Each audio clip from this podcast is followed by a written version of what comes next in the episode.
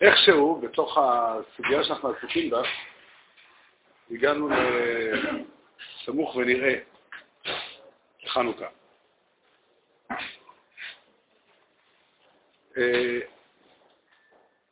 אה, הסיפור, הסיפור הוא כזה.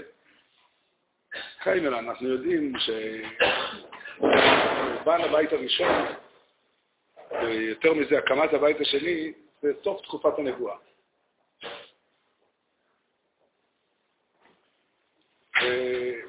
אנחנו גם יודעים שתחילת הבית השני זה הזמן שבו, אה, שחז"ל קוראים לזה, שהרגו את יצר, יצר, יצר עד עבודה זרה. את שתי התופעות האלה, כך קיבלנו. הן שתי תופעות, הן שני צדדים של אותו מטבע, של אותה מטבע. החיסול של עבודה זרה, ישנו עולם של עבודת אלילים, העולם הישן נקרא לזה ככה, העולם שבו התפיסה הפשוטה של אנשים היא ש... ש...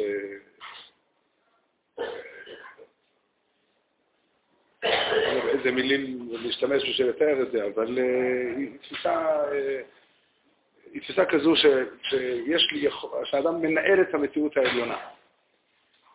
שיש לאדם יכולת לשחק, למשוך בחוטים ו... זה אולי הגדרה. קשה, קשה קצת לנצח, אבל על כל פנים, עבודה זרה זה עולם שלם של תפיסה מסוימת של המציאות, וכנגד העולם הזה יש מציאות של נבואה. יש איזשהו יחס בין הפנים, בין הסוד של המציאות, בין התוכן של המציאות לבין האדם. זה עולם אחד, זה העולם שבו, ככה העולם נהג בימים, בימים הראשונים, בימי בית, עד סוף, עד חורבן בית ראשון. לפי העיקרון של זה לעומת זה עשה אלוקים, אז לכל תופעה בעולם יש צד חיובי וצד שלילי. התופעה הזו, שנקרא לזה אולי היתר, יתר יחס, זאת אומרת, אדם, אדם, אדם מתייחס יותר אה, חי, יותר חווה את הצד הרוחני של המציאות. זה מאפשר למי שהולך בדרך הישר להתחבר לדבר השם, זה נבואה, וזה גם אפשר לאנשים, הרבה מאוד אנשים בעולם, העולם היה עולם של עבודת אלילים. בשלב מסוים הדבר הזה נעלם מן העולם. זה תהליך היסטורי. תהליך היסטורי, תהליך אה, שלא לא, לא, לא רוצה להיכנס לסיבות שלו ולמניעים שלו. חז"ל תיארו את זה בצורה, אה, תיארו, תיאור על, על אריה אש שיוצא מבית קודש הקודשים וכו'. כל פנים, איך שלא יהיה, העבודה זרה והנבואה הם שני צדדים של אותו מטבע, ומחורבן בית ראשון והלאה, ויותר מזה, מתחילת בית שני, הדבר הזה נעלם מן העולם. אין, אין, אין, אין לנו, אנחנו חיים בעולם שאין דרך. העולם הוא עולם של חול. זה ביטל את העבודה מן העולם והעמיד שתי עולמות חדשים, שתי צדדים חדשים. ושוב, זה שזה שניים אחד מול השזה לעומת זה, זה חלק מהמציאות של העולם. כל תופעה בעולם היא ניתנת לקחת אותה לשני כיוונים. יש שני דרכים. לשון, אה, צריך את השפה הזאת, אבל לשון הזוהר, תרי כבישים למח. שתי כבישים ללכת בהם יש בעולם. בכל דבר ועניין, אין תחום בעולם שאין אפשרות לקחת אותו לשני דברים. כשבטלה הנבואה, בטל הקסם הזה של המציאות, התפיסה הזו של המציאות הרוחנית, אז נהיה עולם של מחשבה. ושוב, יש שתי צורות של מחשבה. שתי צורות של מחשבה. יש מחשבה חילונית, נקרא לזה ככה, זה מה שנקרא מינות, ספירה, ויש מחשבה של אמונה. זה שתי צורות של מחשבה. ב'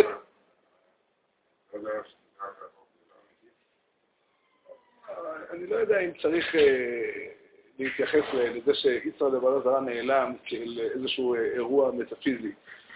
העולם שבו אנחנו חיים, זו עובדה.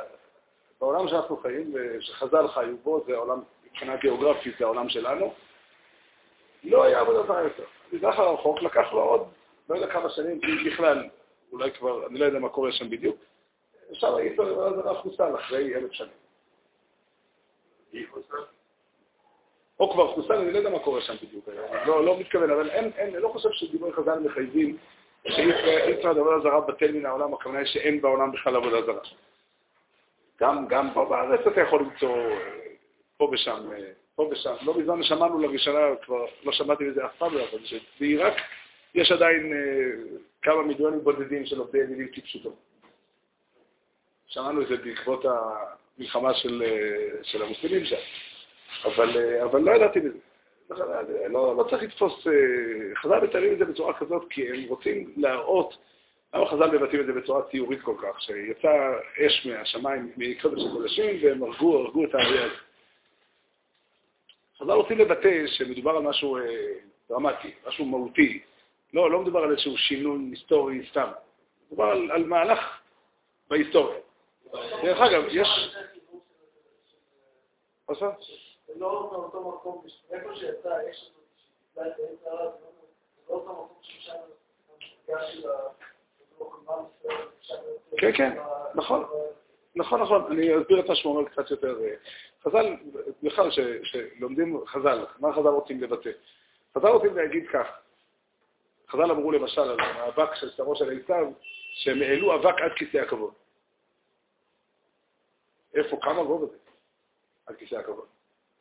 הם רוצים לבטא, ואומרים את זה בשפה. תדע לך, המאבק הזה בין יעקב לעשיו הוא לא איזשהו משהו שקורה בעולם, באיזשהו מקום. הוא משהו שממלא את כל המציאות כולה. מכיסא הכבוד, שזה משם הנהגת העולם יוצאת, עד הקרקע, כל המציאות מלאה במאבק הזה. אין, אין, המאבק הזה ממלא את כל המציאות כולה.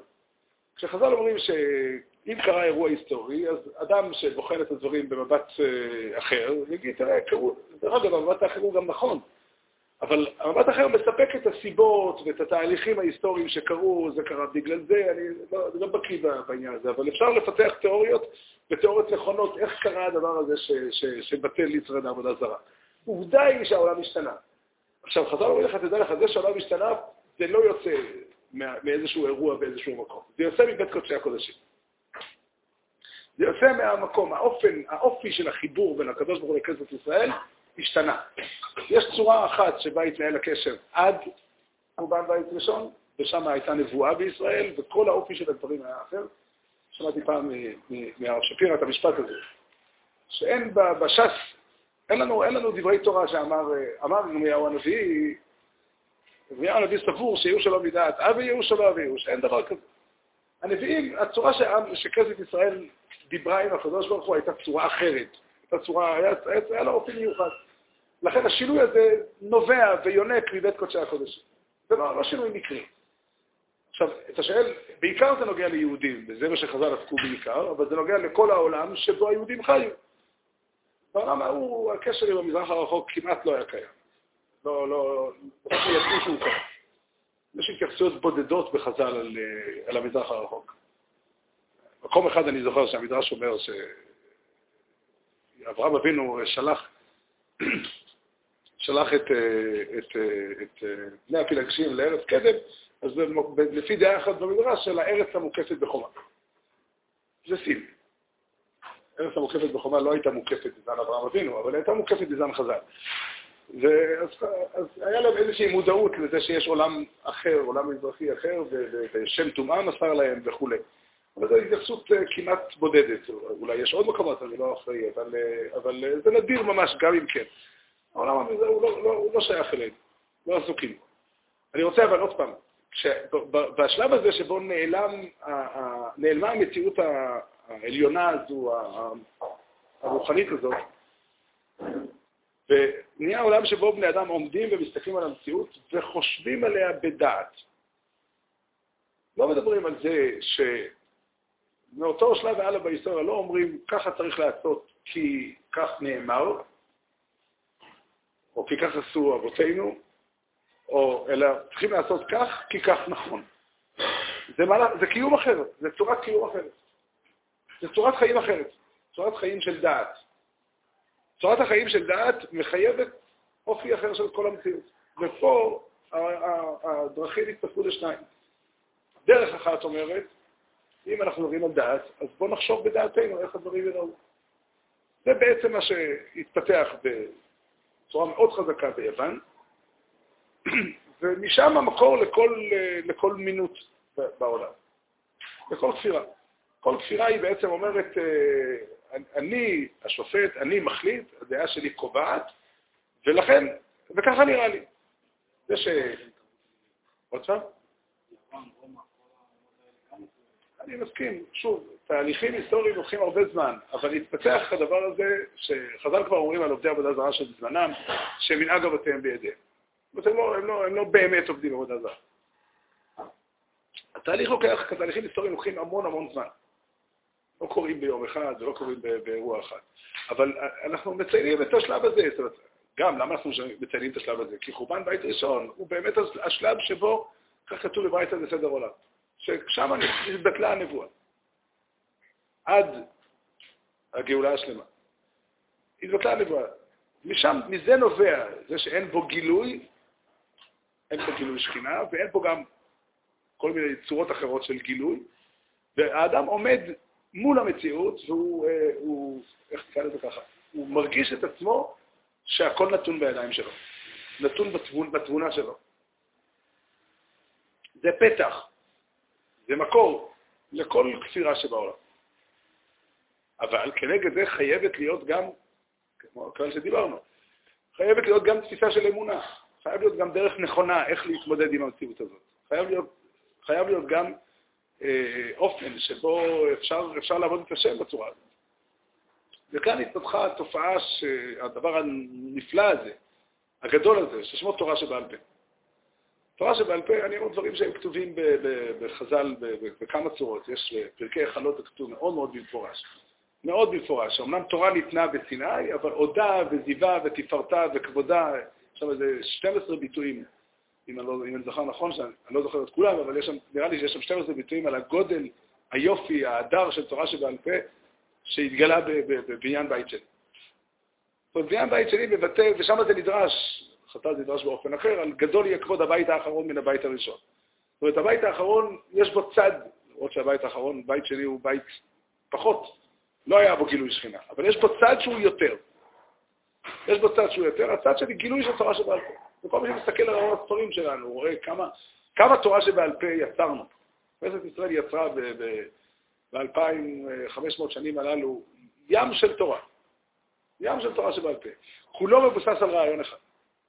הרעיון הזה שדבר השם אומנם לא נגלה, אין נבואה יותר, אבל יש יכולת לאדם במחשבתו, בדעה שלו, לחצוב בתוך דבר השם ולהוציא אור. זה הרעיון הגדול של תורה שבעל פה. זה הרעיון הגדול של תורה שבעל פה. וזה אומר שיש לנו אפשרות לחיות עם דבר השם וליצור, כמו שאמרנו קודם, כמו שסמי אמר. אותו אריה שיוצא מבית קודשי הקודשים ומבשר את זה, שהאופי שבו מתנהל החיבור בין, בין הקדוש ברוך הוא לכנסת ישראל הוא אופי חדש, צורה חדשה יש. יש אופן אחר, לא כמו שהיה עד היום. עד היום אז כל השם היה מדבר אליו מבין שני הכרובים. זו הייתה הצורה. בבית שני והלאה, זה לא עובד ככה. זה לא עובד ככה, אין נבואה. שמעון הצדיק הוא משיירי כנסת הגדולה, והוא עומד מול אלכסנדר מוקדון. הוא בעצם הצד השני של התמונה. או אם אתם רוצים, אה, של בית חשמונאי מול, מול היוונים. וכן של בית רבי וחכמי דורות מול אה, מול יוון ורומא. ובאמת, זה לעומת זה עשה אלוקים, זה לעומת זה עשה אלוקים. פירושו נוצר אופן, אופן חדש של חיים. באופן הזה, כמו בכל אופן, חייב להיות שני דרכים. דרך אחת היא דרך לא נכונה, היא דרך שבו האדם עומד ואומר, הדעה שלי היא היחידה הנכונה. אני, יש לי את הכוח לחשוב, וכמו כל דבר לא נכון, הוא מבוסס על רעיון אמיתי. הקדוש ברוך הוא באמת נטע באדם דעת, יש לו כוח, יש לו יכולת לחשוב, יש לו יכולת להבין. יכולת טובה להבין הרבה דברים, וכשאדם לוקח את הרעיון הזה והולך איתו עד הסוף, הנה, אני אצייר לעצמי, אני, אני אחשוב ויבין את המציאות. והיכולת שלי לחשוב זה אין גבולות. הרמב"ם כותב, ב, ב, ב, יש לו פרק במורה הנבוכים, שהוא מדבר על ההתפרצות הגדולה. בשפה שלנו, החוצפה הנוראה של הפילוסופים היוונים, שהם אה, חשבו שהם יכולים בשכל שלהם אה, אה, לקבוע, לשים את הגבולות לאלוקים. עד לשם הם הגיעו. עד לשם הם הגיעו. אין, אין שום גבולות. הם הגיעו למסקנה, אומר אריסטו היווני, יושב וחושב ואומר, אני, לפי הבנתי, אלוקים לא יכול לתלוש כנף של זבוב. פה נגמר הגבול, פה, ככה אני מבין. זה צורה אחת. וזו צורה אחת של מחשבה. זה מאוד מאוד מעניין.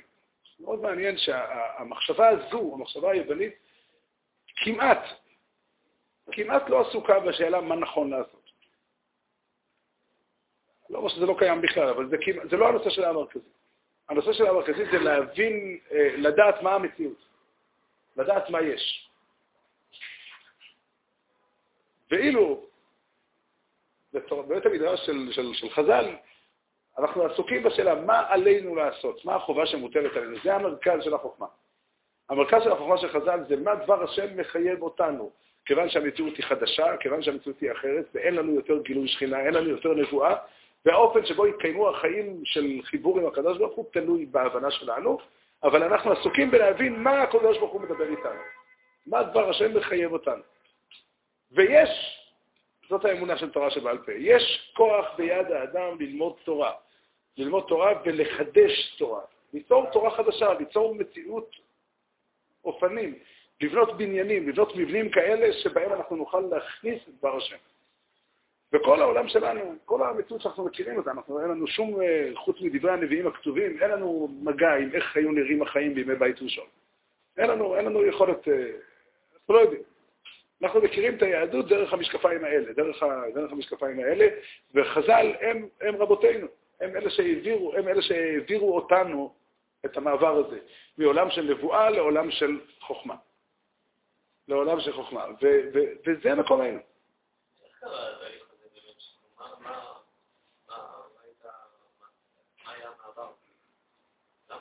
אמרתי קודם, אמרתי קודם שאני לא, לא יודע לענות לך, לא יודע לענות את זה תשובה ברורה. אפשר להגיד רעיונות, אבל חבל ל... זו עובדה. זו עובדה, אני לא יודע, לא, פחות חשוב לי לפרש איך זה קרה, ואני לא יודע. לא יודע, אני יכול להגיד רעיונות, אבל זה מקצוע רחב מאוד בהיסטוריה, והרעיונות שלי יש להם, יש להם בתחום הזה מקום מאוד חלש. אני חושב שיותר יפה העולם שהגענו לו, בעולם השני יותר משהו יותר נעלה. אני רוצה, זה לא, זה לא כך אה, קריטי השאלה הזאת, אבל כדאי כן להתייחס אליה. יש, אפשר להסתכל על זה בשתי דרכים. אפשר להסתכל על זה בדרך אחת ולומר, קרה אסון נורא, הנבואה שהיא הצורה העיקרית, מי שקורא בחומש, זה הצורה של הקשר העיקרי בין הקדוש ברוך הוא לאדם, זה בטל. בעניותנו אנחנו בגלות, במרחק, רחוקים מהקדוש ברוך הוא וכולי, הקדוש ברוך הוא הניח לנו איזשהו דרך כלשהי לחיות. זה גישה אחת, והיא ודאי נכונה.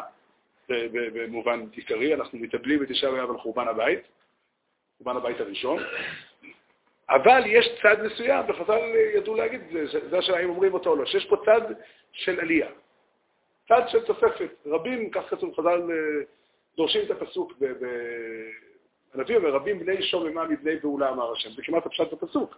רבים בנים שהעמידה לו בשוממותה יותר מבבניינה. זאת אומרת, מבחינה מסוימת יש תוספת.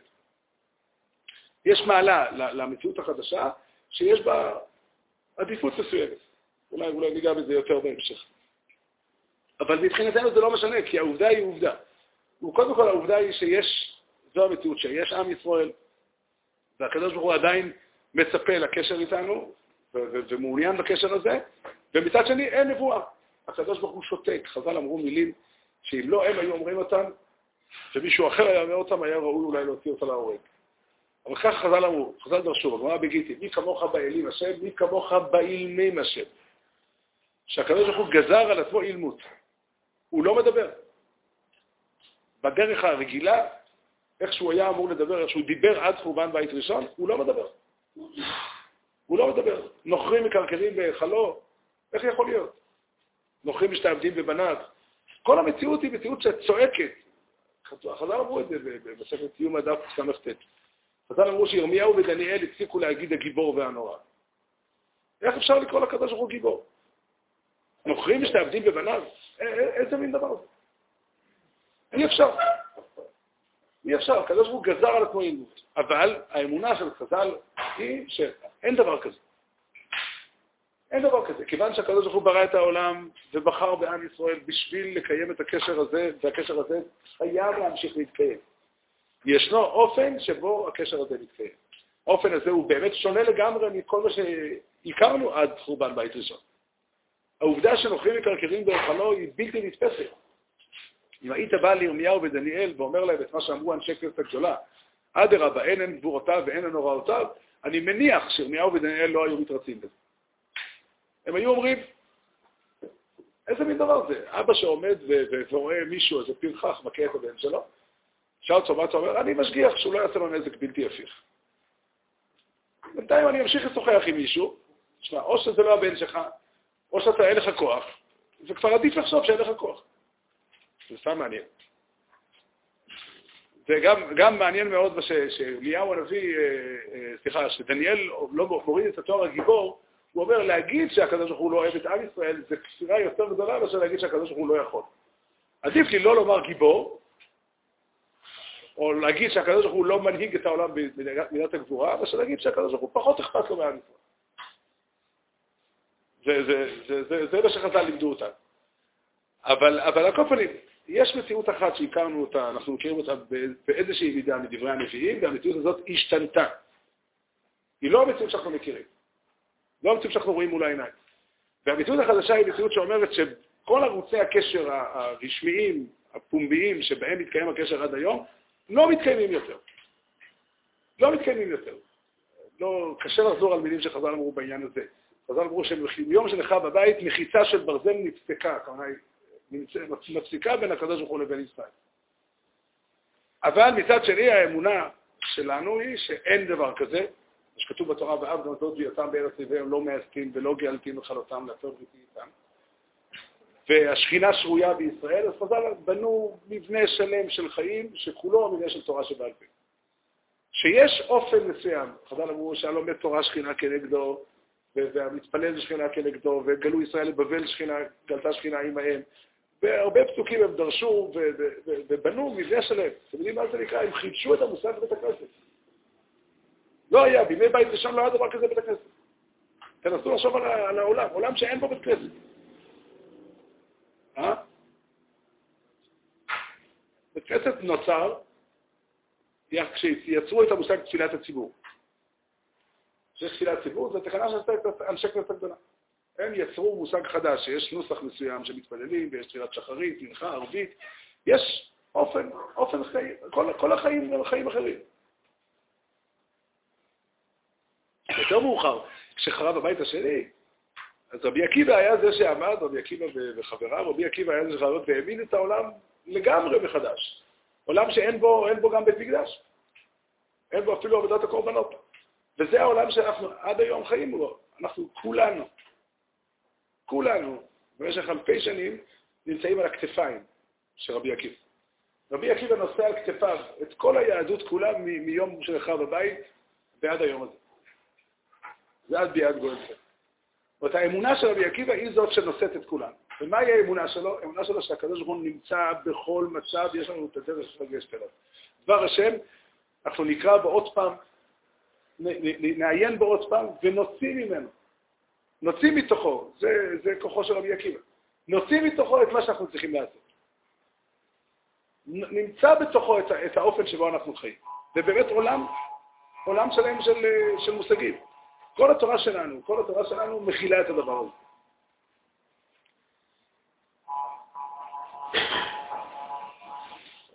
יש פה דבר מעניין מאוד. חז"ל אומרים, ראויים היו ישראל שיעשה להם נס בביאה שנייה כמו בביאה ראשונה. זאת אומרת, בעצם, כשנבנה הבית בשנייה, היה ראוי שיעשה להם נס. לא איזה נס. אלא שגרם החטא. עכשיו, בתורה כתוב, בפרשת כי תישא כתוב, שאחד, יש שם דיון, אחרי חטא העגל יש דיון בין הקדוש ברוך הוא למשה רבינו, דיון ארוך, על השאלה איך ימשיכו לחיות אחרי החטא. בשלב הראשון היה מדובר על אכלה אותם כרגע, אבל אחרי שהגזרה הזאת התבטלה, אז יש, משה רבינו רוצה שהשכינה תחזור להיות בישראל. והוא מבקש ככה וככה, בחז"ל כתוב שזה 40 יום היה. אותם 40 יום שכתוב בחומש דברים, אותם 40 יום ו-40 לילה אשר התנפלתי, שהוא בכה והתנפל לפני השם. אחרי 40 יום אז הקדוש ברוך הוא אומר לו, בסדר, סלחתי. ואז מתגלים הי"ג מידות של רחמים, ואז הקדוש ברוך הוא אומר ככה, הנה אנוכי קוראת ברית נגד כל עמך אעשה נפלאות, אשר לא נבררו בכל הארץ ובכל הגויים. וידע, וראה כל העם אשר נתן בקרבו את מעשה השם, כי נורא הוא אשר אני עושה עמו. זאת אומרת, יש פה עניין שיתגלה, שיהיה ניכר לעין, שהשכינה שרויה בישראל, וזה נעשה על ידי הניסים. ואותה בקשה, אותה, אותו מילוי של הבקשה, יצר את, את המשכן. יצר את המשכן. זאת אומרת, השראת השכינה בישראל, שזה המשכן בעצם, תלוי בזה שיהיה נגד כל עמך יעשה נפלאות. עכשיו, כשנבנה הבית השני, הבית השני, אנחנו יודעים שלא שרתה בו שכינה. אחד מהחמישה דברים בסוף פרק ראשון של יומא, אחד, אחד מחמישה דברים שחסר בבית שני זה השארת השכינה. ולמה? כי היה ראוי שיהיה נס, אבל לא נעשה נס. אבל באמצע ימי הבית השני היה נס חנוכה. נס חנוכה הוא אותו בחינה של נס שהיו ראויים שיעשה בבית שני, והוא נעשה לא בתחילת הבית השני, אלא באמצע הבית השני. המשמעות של הדבר הזה היא כך, שיש השראת השכינה מיוחדת, מסוימת, עם אופי מיוחד, שהתגלה בבית שלי, והוא התגלה בנס חנוכה. אני רוצה קצת אולי לפרש את זה יותר. יש פה קושי עצום בחנוכה. אנחנו, אה, חנוכה נקרא חנוכה. חנוכה על שם חנוכת המזבח. בראשונים כתוב, בחלק מהם כתוב את הרמז, חנוך כ"ה. ברור לחלוטין שזה לא הפשט. גם קריאת התורה בחנוכה היא בחנוכת המזבח. איזה טעם יש לחגוג את חנוכת המזבח? קודם כל, שאלה ראשונה זה, בכלל, מתי אנחנו חוגגים בחנוכה לדורות? חנכו את, את המשכן בראש חודש ניסן, אין, אין כזה חג לדורות. חנכו את בית ראשון בחטא ותשרי, אין כזה חג לדורות. חנכו את בית שני, אני לא יודע באיזה תאריך, בכ"ה בכ"ט. כך כתוב בזכריה, בכ"ד בכסלו, יום אחרי כ"ד בכסלו. ולא חוגגים את זה לדורות, זאת אומרת, אנחנו חוגגים את חנוכה בגלל חנוכת בית חשמונאי. וחנוכת בית חשמונאי הייתה בכ"ה בכסלו, ואת זה אנחנו חוגגים לדורות. מתי חוגגים חנוכה לדורות? ויותר מזה, איך אפשר לחגוג את חנוכה אחרי שנחרב הבית? איזה טעם יש לחגוג את חנוכת המזבח, חנוכת המקדש, כשאין לנו בית מקדש? זה תה ורב. זה ממש קשה. על כורחנו כתוב פה, התשובה פה היא שבמובן מסוים השכינה ששרתה בבית שני וקיבלה ביטוי גלוי בנס חנוכה, היא לא נסתלקה כשנחרב בבית השני. היא לא נסתלקה כשנחרב בבית השני. מהבחינה הזאת השכינה שרויה בתוכנו. אפשר גם uh, להראות את זה. אנחנו אומרים הלל בחנוכה שמונה ימים. בפסח, הגמרא אומרת במסכת ערכין, דף י', הגמרא אומרת שם שאומרים, בפסח אומרים הלל יום אחד בלבד. בסוכות אומרים הלל כל יום, הגמרא אומרת כי חלוקים בקורבנותיהם. זה לא, זה נושא אחר. אבל זה שיצאנו במצרים זה נס עצום. זה סיבה להלל ליום אחד בלבד. אנחנו נוהגים מצד המנהג לומר הלל גם בחול המועד. אבל באופן עקרוני, מצד הדין, בחג המצות מספיק הלל פעם אחת. ביום טוב ראשון של פסח. האם הנס של חנוכה הוא יותר גדול מהנס של, של יציאת מצרים? למה בחנוכה אומרים הלל כל יום? למה בחנוכה אומרים הלל כל יום? זה, זה ממש קשה. מי שיענה שבגלל שהנר דלק, המנורה דלקה שמונה ימים, גם ענני הכבוד ליוו את עם ישראל 40 שנה. ואכלו מן 40 שנה. והרבה ניסים היו במשך 40 שנה. וכל הניסים האלה ביחד נקראים יציאת מצרים, ועל כולם אומרים הלל יום אחד. למה נס חנוכה, אה, אה, אה, נס חנוכה הוא סיבה להגיד הלל שמונה ימים? התשובה לזה היא שבחנוכה התגלה נס כזה שנמשך לעולם. הנס של יציאת מצרים הוא נס שאמור להיות חד פעמי. זה לא נס אחד, זה הרבה מאוד ניסים שנמשכו 50 שנה, 40, לא יודע כמה, הרבה שנים. אבל כל הניסים האלה הם אירוע אחד, שלא אמור להראות איך העולם מתנהג. קריאת ים סוף לא באה לשנות את האופי של העולם לדורות. הים אמור לחזור, כמו שכתוב, וישב הים לפנות בוקר לאיתנו, ולהיות uh, כמו שהוא נמצא תמיד. באותו לילה היה צריך להיות קריאת ים סוף. גם בכת בכורות הייתה רגע אחד. היו ניסים שנמשכו 40 שנה במדבר, רגלך לא בצק כזה 40 שנה, גם אחרי 40 שנה הם אמורים להיפסק. הנס שהתגלה בחנוכה, השראת השכינה שהתגלתה בחנוכה, היא נס כזה שנמשך תמיד. הוא הנס של גילוי שכינה בגלות. הוא הנס של גילוי שכינה בתורה שבעל פה. שיש לנו יכולת, יש לנו יכולת ללמוד תורה ולהוציא מתוך דבר השם, להביא את הקדוש ברוך הוא לחיים שלנו. ואנחנו יושבים ועוסקים בתורה ועמלים בתורה, והחנוכה הזו, חנוכת המזבח הזו, חנוכת המשכן הזו, המקדש הזו, היא לא חנוכה לזמן, היא חנוכה לדורות. וגם כשנחרב הבית, הוא לא נחרב באמת, הוא לא נחרב לגמרי. השראת השכנה, הרמב"ן רומז את הדברים במדרש, בפרשת בעלותך, שם כתוב ברמב"ן, הרמב"ן מביא מדרש, אנחנו לא יודעים איפה הוא כתוב, אבל היה לפני הרמב"ן כזה מדרש, שאחרי שהנשיאים הקריבו אה, את הקורבנות הנשיאים בפרשת נשוא, אז אחר כך כתוב שאהרון הכהן אמר, אה, התפעל מהקורבנות שלהם ואמר, מה יש לי? אז הוא אמר, אה, אז הקדוש ברוך הוא אמר לו, שלך גדולה משלהם, ששלהם, כשלך בבית היא בטלה, ושלך קיימת גם כשלך בבית. אומר הרמב"ן שזה הולך על נס חנוכה, נרות חנוכה. הכוונה היא זו, הכוונה היא זו. חנוכה הוא חג, הוא באמת מועד, הוא לא נקרא חג, אבל הוא מועד, הוא יום כזה, יום שבו אנחנו חוגגים, אנחנו שמחים, אנחנו חוזרים לאותה נקודה, לאותה גילוי שכינה של תורה שבעל פה. שיש אפשרות, יש אפשרות. הדבר, אולי נוסיף פה עוד נקודה נפלאה מאוד. הרמב"ם אומר, בהלכות חנוכה, הרמב"ם אומר ביטוי מעניין מאוד, מצוות נר חנוכה מצווה חביבה היא עד מאוד. איפה הפרץ הזה של הנוסטלגיה? מה, הרמב"ם, אם הוא מחבב את נר חנוכה, חביבה זה עניין אה, סובייקטיבי, הוא אוהב, רוצה שיכתוב יקרה, חשובה, אלה ביטויים שאנחנו מכירים מההלכה. מה זה מצוות נר חנוכה חביבה היא עד מאוד? ולמה? אה? למה היא חביבה כל כך? כסף אישתה מביא על המקום, או המגיד אישתה, אני לא זוכר. אחד מהם מביא על המקום כי הרגיל בנר עוול לבנים תמיד החכמים. זה לא מספיק. זה לא מספיק. בגלל שזו סיבה להגיד שמצוות החנוכה היא יקרה עד מאוד. הפשט הוא ככה, הגמרא אומרת, בתחילת מסכת יבמות, הגמרא אומרת שכתוב במשנה שם, 15 נשים פותרות צרותיהן וכולי, המשנה מתחילה בביתו. מונה רשימה של עריות, אז רשימה היא ביתו. אומרת הגמרא, למה?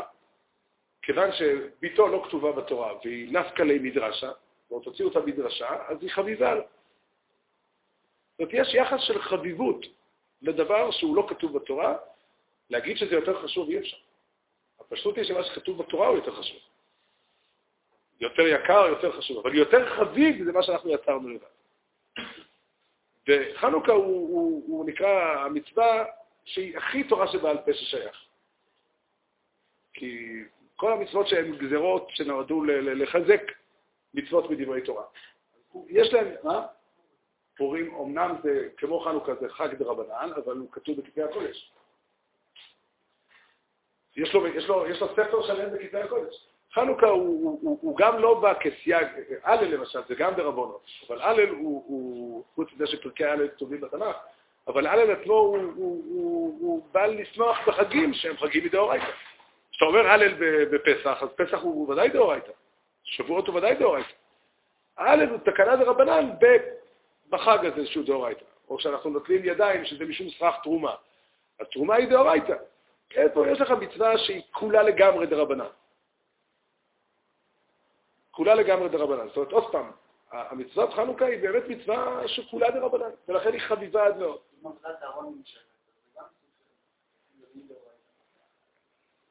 בוא נאמר ככה, אם אתה שואל באיזה אופן נמשך בית שני בגלות, במצווה שהיא דרבנן לגמרי. מצווה שהיא דרבנן לגמרי, שהיא השיא, כל התורה שבעל פה שלנו. כל התורה שבעל פה שלנו זה השראת השכינה.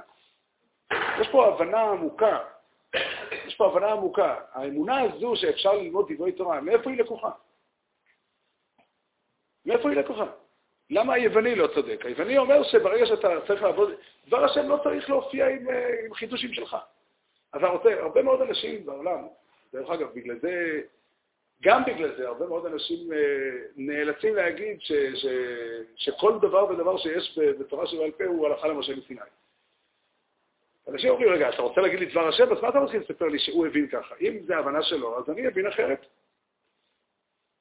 שוב, האמונה הזו שהקדוש ברוך הוא חפץ בזה שאנחנו נבין.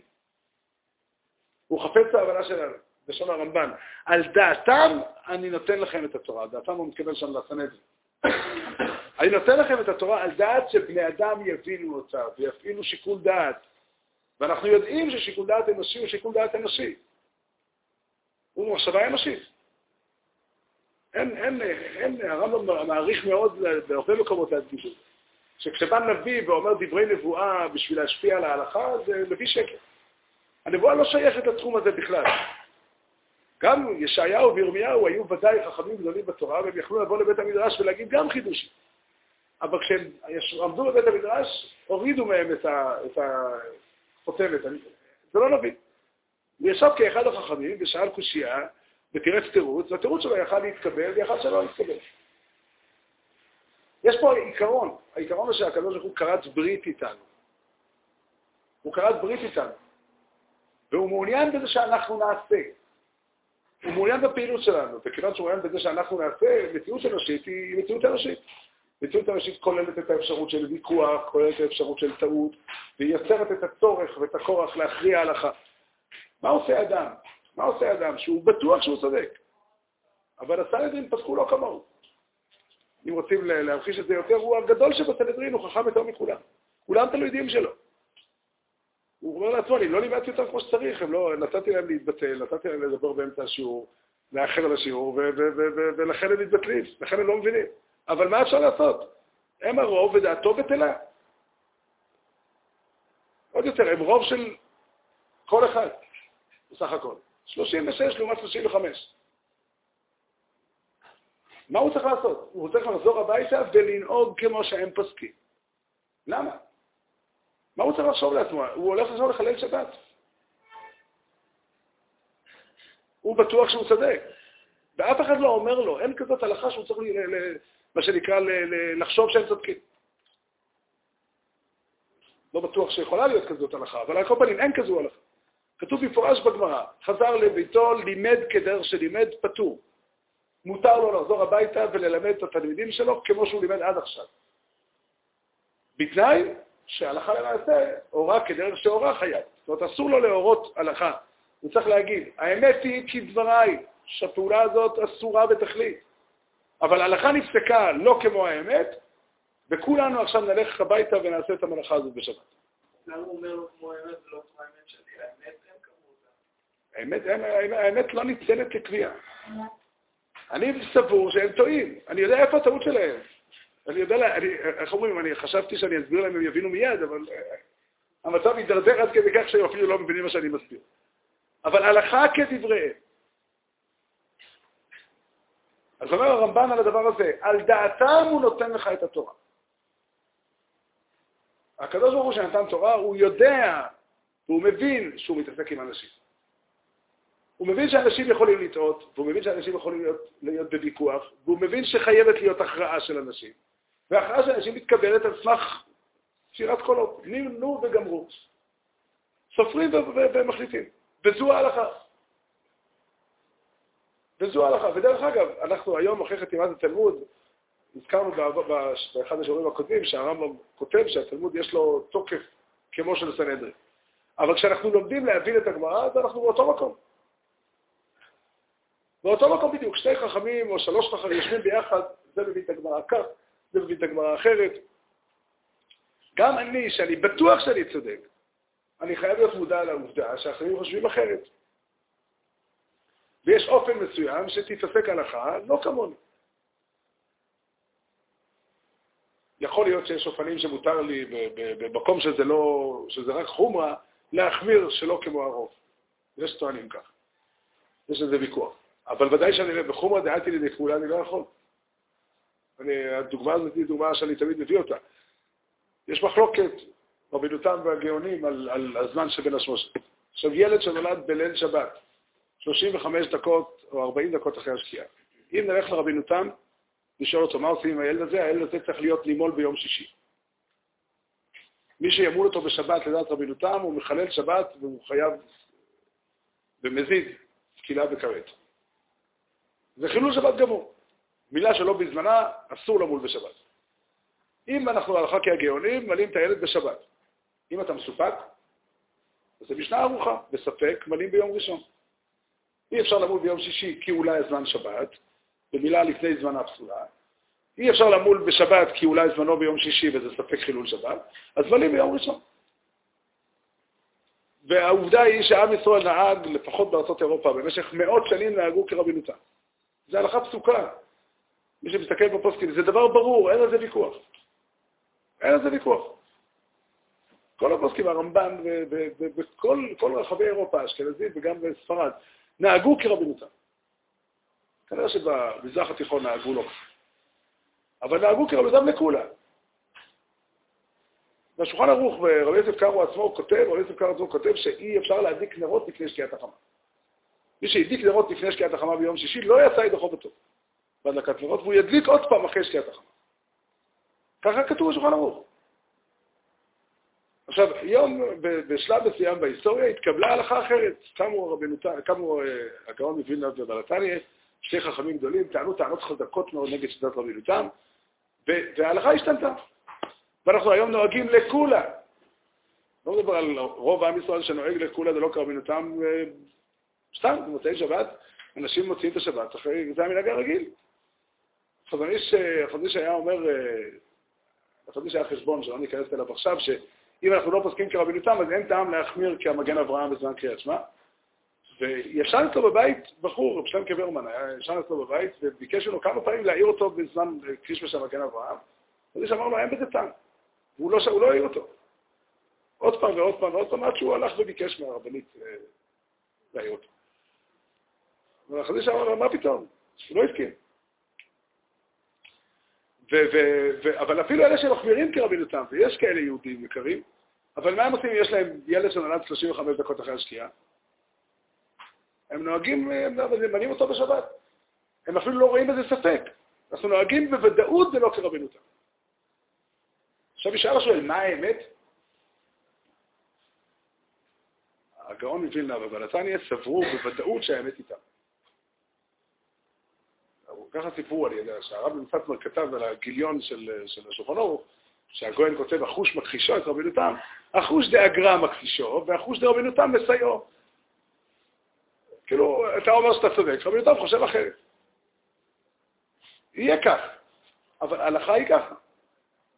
על דעתם הוא מוסר לנו את התורה. הקדוש ברוך הוא חפץ בנו. הוא רוצה שאנחנו נעמוד מולו, והתחלנו את הדברים במדרש בפרשת נוח, מדרש תנחומה. שאין לומד את התורה אלא מי שאוהב אותה בכל ליבו ובכל נפשו ובכל מעדו. ההבנה הזאת שהקדוש ברוך הוא מעוניין וחפץ בחיבור בין מה שאנחנו חושבים לבין דברי תורה. רק ככה, יכולה, רק ככה אפשר לקיים חיים יהודיים. זה השחיית השכינה המיוחדת של בית שני, שהיא נמצאת איתנו עד היום הזה. פה בבית המדרש שלנו ובכל בית המדרש יושבים יהודים ועוסקים בתורה, ומתוך המחשבות שלהם סומכים הלכות חדשות. ככה זה. ככה זה. החיים זזים קדימה, מה שנקרא, זאת אומרת, יש אירועים חדשים, יש מקרים חדשים, ואנשים שואלים שאלות, ומתרצים תירוצים, ומבינים את הסוגיה בצורה כזאת ובצורה כזאת, ונוצרים דברים חדשים. זה מעשים בכל יום. מעשים בכל יום. כל מי שיקח ספר הלכה שנכתב בדורנו, יראה שחלק גדול מההלכות הן שאלות שאנשים שאלו כי נזדמנו להם מקרים, ורעיונות שאנשים העלו, וככה ההלכה מתקיימת. ושוב, החידוש הזה שאפשר להביא את דבר השם לעולם שלנו, הוא בנוי על זה שאנחנו מבינים שזה מה שהקדוש ברוך הוא רוצה. זה מה שהקדוש ברוך הוא רוצה, כי אם חפץ בא המלך ונקראה בשם, הוא חפץ בנו. זה הרעיון הגדול של, של, של האמונה של תורה שבעל פה. בתחילתו, בתחילת בית שני, בסופו באמת אי אפשר להאמין. כשאני נכנס למחשבה הזאת על רבי עקיבא. רבי עקיבא היה אדם היה שותף בדרך כלשהי למרד של בר כוכבא. תמך בבר כוכבא. מה שלא יהיה הפשט, מה שלא יהיה המחשבות. העובדה היא שהמרד הזה יסתיים באסון נורא. מהאסונות הגדולים ביותר בתולדות העם היהודי. אה, קשה לתאר כמה האסון הזה היה גדול. ורבי עקיבא קם אחרי זה והמשיך ללמד תורה. אין דבר שיכול, אין דבר שיכול להצפיק את רבי עקיבא מללמוד. לא מללמוד, הכוונה היא מללמוד וללמד תורה, ליצור תורה. ועל הכתפיים של רבי עקיבא אנחנו יושבים עד היום הזה. מכוחות של רבי עקיבא אנחנו חיים. לשון חז"ל, חז"ל דורשים על הפסוק, ואז גם זאת בהיותם בארץ אויביהם, לא מעשים וכולי. חז"ל דורשים, שהעמדתי להם את בית חשמונאי, שהעמדתי להם את של בית רבי וחכמי מרדכי ואסתר וכולי, ושהעמדתי להם את של בית רבי וחכמי דורות. זאת אומרת, באיזה אופן מתקיימת השראת השכינה בגלות? על ידי שהקדוש ברוך הוא מעמיד לנו אנשים שהשכינה בוערת בליבם. וזה דבר שכל אחד מאיתנו, נמצא אצל כל אחד מאיתנו באיזושהי רמה, וכל אחד יכול לעשות את זה. ולא רק שכל אחד יכול, אלא כל אחד עושה. אנחנו, ככה אנחנו עושים. זה האופן שבו אנחנו חיים. ככה מתקיימים החיים, וזו השראת השכינה שבתוכנו עד היום הזה. שנזכה באמת תמיד להיות דבקים בתורה. באמת, אין, אין, אין, אין מקום אחר. אין מקום אחר. התורה היא המקום היחידי שממנו אנחנו יכולים לקחת אור לחיים שלנו. תורה שבכתב ותורה שבעל פה, ולהבין שאנחנו לומדים תורה לא כאורחים. לא כאורחים. הקדוש ברוך הוא מצפה שנתערב בדברים, שנשאל, שנקשה, שנחדש, שנחבר, שנבנה. הבניינים האלה הם הבניינים שהוא חפץ בהם, ובתוך הבניינים האלה השכינה שורה.